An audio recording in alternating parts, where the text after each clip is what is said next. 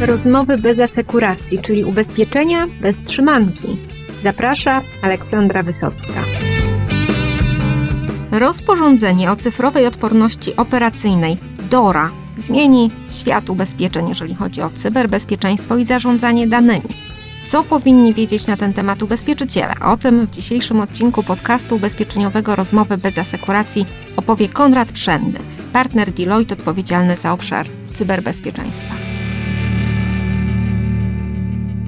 Bohaterem dzisiejszego podcastu jest DORA, rozporządzenie, o którym się mówi sporo, nie tylko w branży ubezpieczeniowej, no ale my dzisiaj spróbujemy takie kluczowe elementy tego tematu przedstawić właśnie ubezpieczeniowcom. Więc może zacznijmy, skąd w ogóle DORA się wzięła i jakie ma cele.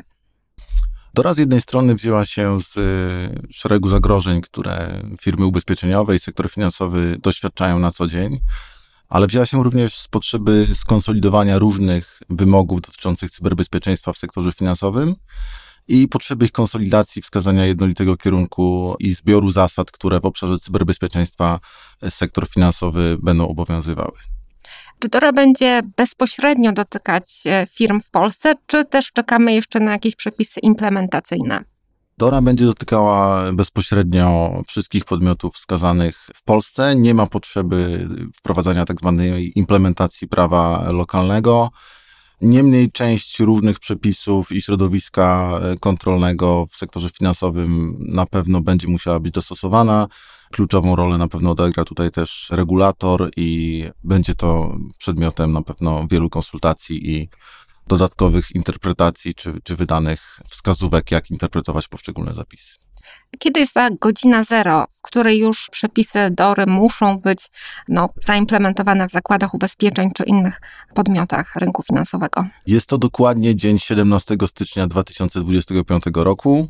Czasu z dzisiejszej perspektywy wydaje się, że sektor ma dość dużo, natomiast skomplikowanie i ilość wymogów jest tak duża, że te prace należy rozpocząć jak najwcześniej i sukcesywnie wdrażać poszczególne wymogi DORY, aby w tym styczniu 2025 być całkowicie gotowym.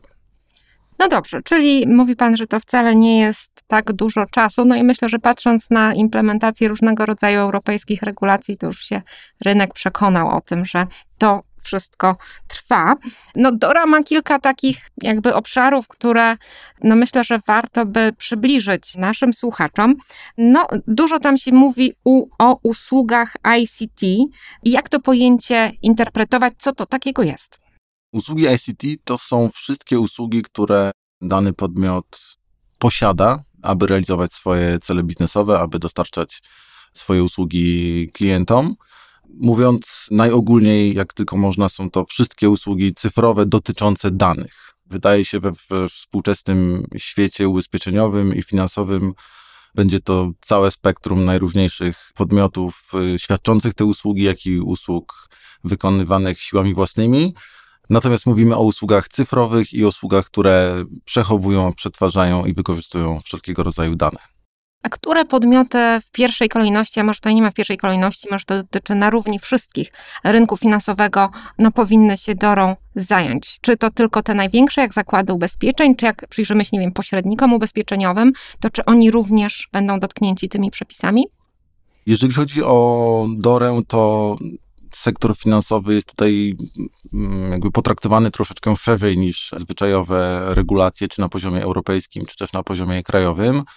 Z sektora ubezpieczeniowego na pewno wszystkie zakłady ubezpieczeń, jak również reasekuracji. Jeżeli chodzi o pośredników, to tutaj dyskusje trwają, którzy, czy na pewno wszyscy, i tutaj w zależności od różnych interpretacji stanowisk, na pewno będzie rynek wypracowywał odpowiednio do tego podejście. Myślę, że wszystkie tradycyjne zakłady ubezpieczeń muszą się przygotować bez wyjątku do do Dory, więc tutaj jakby mamy jasność co do klasycznej części rynku ubezpieczeniowego. I czy jak mamy do czynienia z grupą finansową, no to to się y, przygotowuje na poziomie grupy, czy na poziomie poszczególnych podmiotów, czy to jest do wyboru już? W przypadku dużych grup ubezpieczeniowych na pewno dużo będzie zależało od tego, jak usługi ICT są zorganizowane w ramach grupy, jak wiele tych usług jest realizowanych w sposób bardziej lokalny, a jak wiele jest dostarczanych w sposób bardziej centralny, grupowy. Niemniej, niezależnie od, od tego, w jaki sposób te usługi są zorganizowane, będą one jakby wszystkie musiały spełniać wymogi rozporządzenia i niezależnie od tego, czy podmiot jest w danej grupie ubezpieczeniowej, czy jest spoza niej, będzie podlegał podobnym wymogom odnośnie wszystkich wymagań dotyczących cyberbezpieczeństwa, zarządzania ryzykiem. Oczywiście podmiot z grupy może zostać w procesie analizy ryzyka oceniony jako trochę bardziej wiarygodny i, i taki, do którego mamy większą ufność i większą kontrolę, więc jakby różnego rodzaju zabezpieczenia mogą być troszeczkę inaczej dobrane, ale co do zasady cała grupa ubezpieczeniowa musi wdrożyć te wymogi, niezależnie od tego, jak usługi ICT pod spodem są z, e, zaprojektowane i wdrożone. A kiedy można oczekiwać jakichś precyzyjnych wytycznych odnośnie DORY w ramach regulacyjnych standardów technicznych? Jeszcze proszę wyjaśnić te regulac regulacyjne standardy techniczne, żeby wszyscy byli w tym samym miejscu. Do rozporządzenia DORA zostaną wydane tak zwane RTS-y i ITS-y. Są to właśnie te standardy, o których Pani wspomniała. Część z nich już została opublikowana i są właśnie konsultowane. Część z nich zostanie opublikowana na przełomie roku. Nie znamy dokładnej daty publikacji wszystkich tych dokumentów. Oczywiście my jako Deloitte śledzimy wszystkie wydane dokumenty, analizujemy je zarówno w różnych grupach roboczych, jak też z naszymi klientami. One dużo doprecyzowują, natomiast też niektóre z zapisów wymagają odpowiedniej interpretacji i analizy w kontekście danego środowiska i danego klienta. Na koniec daty wdrożeniowej wszystkie powinny być opublikowane i wszystkie powinny być wzięte pod uwagę przy wdrażaniu wymagań DORY.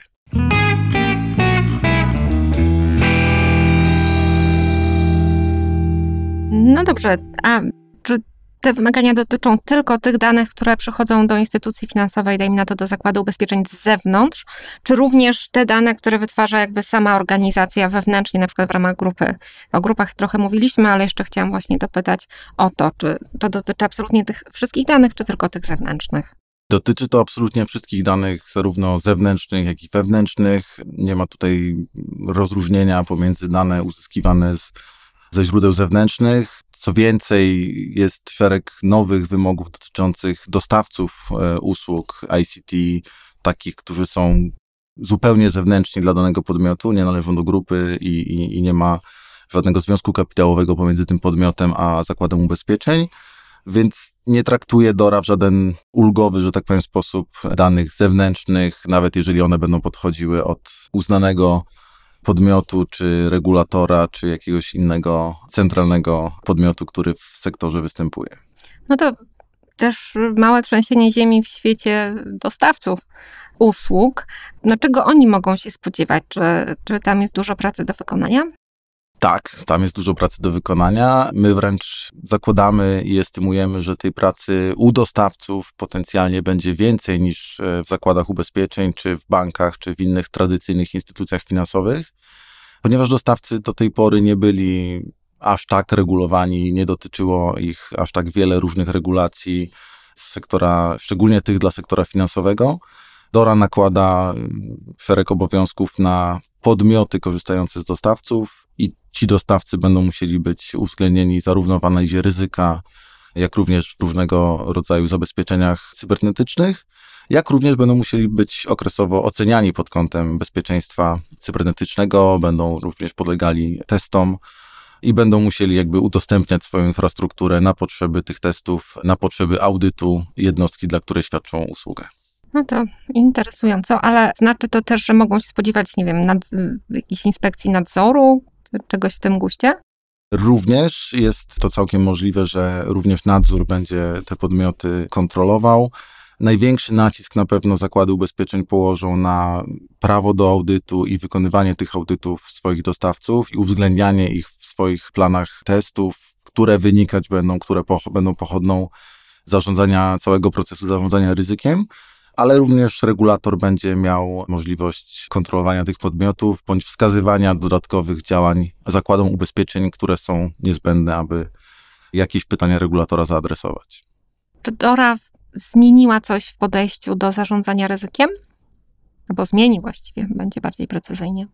Na pewno ten fokus na podmioty trzecie, na strony trzecie. Nie jest to wprost w samym zarządzaniu ryzykiem widoczne, natomiast cały proces zarządzania ryzykiem ma uwzględniać wszystkie usługi ICT, wszystkich kluczowych dostawców i z tego powodu niektóre procesy zarządzania ryzykiem na pewno będzie trzeba przeprowadzić troszeczkę inaczej i, i w wynikach i w analizach uwzględnić dostawców zewnętrznych. Powiedzieliśmy, że przed dostawcami lekcja do odrobienia, a co jeżeli chodzi o ubezpieczycieli? Jakie obowiązki na nich nakłada DORA? Oczywiście o wszystkich tu nie powiemy, ale które Pan uważa za takie kluczowe? Są to cztery główne filary, o których mówimy, rozmawiamy z naszymi klientami. Pierwszy już wspomnieliśmy, zarządzanie ryzykiem i wszystkie konsekwencje wynikające z tego zarządzania ryzykiem. Jednym z działań, które jako wynik tego procesu zarządzania ryzykiem powinny zakłady ubezpieczeń podejmować, jest okresowe testowanie cyberodporności, wykonywanie testów penetracyjnych, testów bezpieczeństwa. To są dwa pierwsze filary. Kolejne dwa, które mogą być właśnie ciut bardziej nowe dla zakładów ubezpieczeń i trochę bardziej wymagające, czyli też wspomniane już przez nas zarządzanie ryzykiem stron trzecich. I ostatni filar, czyli raportowanie incydentów, coś, czego zakłady ubezpieczeń do tej pory nie robiły do organów nadzoru, a DORA będzie taki obowiązek nakładała również na zakłady ubezpieczeń. Czy to jest trochę podobne jak w przypadku RODO, że trzeba tam do płodo. Dokładnie zgłaszać, tak, tak, dokładnie tak. To jest podobne jak w przypadku RODO, to jest podobne jak e, dla, dla innych podmiotów sektora finansowego. Tego typu raportowanie incydentów będzie niezbędne i będzie jakby określone, do jakich podmiotów i w jakich okolicznościach należy te incydenty zgłaszać. No dobrze, ale czy da się to wszystko w taki sposób wdrożyć w zakładzie ubezpieczeń, żeby po prostu zaktualizować to, co już tam jest, tak no, podrasować pod dorę, czy raczej tam wiele rzeczy wymaga napisania zupełnie od nowa, jeżeli chodzi nie wiem, o procedury? To na pewno jest kwestia indywidualnej sytuacji i interpretacji poszczególnych procesów, jakie w zakładzie ubezpieczeń funkcjonują. Na pewno należy wszystkie te procesy zweryfikować pod kątem nowych wymogów i pod kątem wszystkich wymagań, jakie przed zakładem stawia DORA. Naszym zdaniem duża część tych wymogów będzie albo wymagała zaadresowania zupełnie od zera, albo będzie wymagała mocnej aktualizacji już istniejących procesów. Natomiast na pewno to, co już istnieje w danym zakładzie, jest do wykorzystania i, i na pewno też nie jest tak, że zakłady ubezpieczeń we wszystkich tych obszarach są na niskim poziomie dojrzałości. Powiedziałbym wręcz odwrotnie, wielu naszych klientów wdrażało różnego rodzaju rozwiązania związane z cyberbezpieczeństwem od lat i na pewno ta dojrzałość i gotowość rynku jest na dość wysokim poziomie, przynajmniej jeżeli chodzi o Polskę. Wspomniał Pan o testach penetracyjnych. Jak często takie testy powinny być wykonywane w świetle nowych przepisów? Testy powinny być wykonywane nie rzadziej niż co 3 lata. Natomiast można zwrócić się zarówno o wydłużenie tego okresu, jak i o skrócenie tego okresu do organów nadzoru. Więc tak naprawdę znowu odwołam się do procesu zarządzania ryzykiem i, i wyników tego, i wyników analizy ryzyka. Testy tak naprawdę bezpieczeństwa powinny być dostosowane do profilu ryzyka, wektorów zagrożeń i tego, jak cenny zasób chcemy chronić, jak cenną usługę ICT chcemy zabezpieczyć przed niepożądanymi działaniami hakerów albo innych grup o niecnych zamiarach. A jeżeli chodzi o dostawców, no, którzy tymi danymi na co dzień, że tak powiem, się zajmują, to rozumiem, że oni też będą zobligowani do udziału w tym procesie. Tak, jak najbardziej. Dostawcy będą częścią tego procesu, będą również okresowo audytowani, testowani i muszą wdrożyć wszystkie mechanizmy, które będą wymagane, aby zapewnić odpowiedni poziom cyberbezpieczeństwa. No i na koniec, no nie byłoby podcastu technologicznego dla ubezpieczycieli, gdybyśmy nie porozmawiali o chmurze obliczeniowej, więc jest i chmura. E, czy DORA jakoś odnosi się również do danych przetwarzanych w chmurze? Jak najbardziej. Dane przetwarzane w chmurze są dzisiaj codziennością dla zakładów ubezpieczeń, więc jak najbardziej DORA również będzie obejmowała ten aspekt i będzie wymagała od tych dostawców chmury obliczeniowej spełnienia wymogów przewidzianych dla dostawców zewnętrznych usługi ICT, zapewnić najwięksi gracze rynku dostarczający dużą część tych rozwiązań chmurowych będą uznani za kluczowych, krytycznych dostawców i tutaj zakładamy, że wypracowane zostaną pewne spójne zasady i podejście do wdrażania wymogów rozporządzenia DORA. Wszyscy mniejsi gracze rynkowi również będą musieli się temu e, jakby dostosować, więc jak najbardziej cloud, chmura będzie nieodłącznym elementem wdrażania Dory w zakładach ubezpieczeń.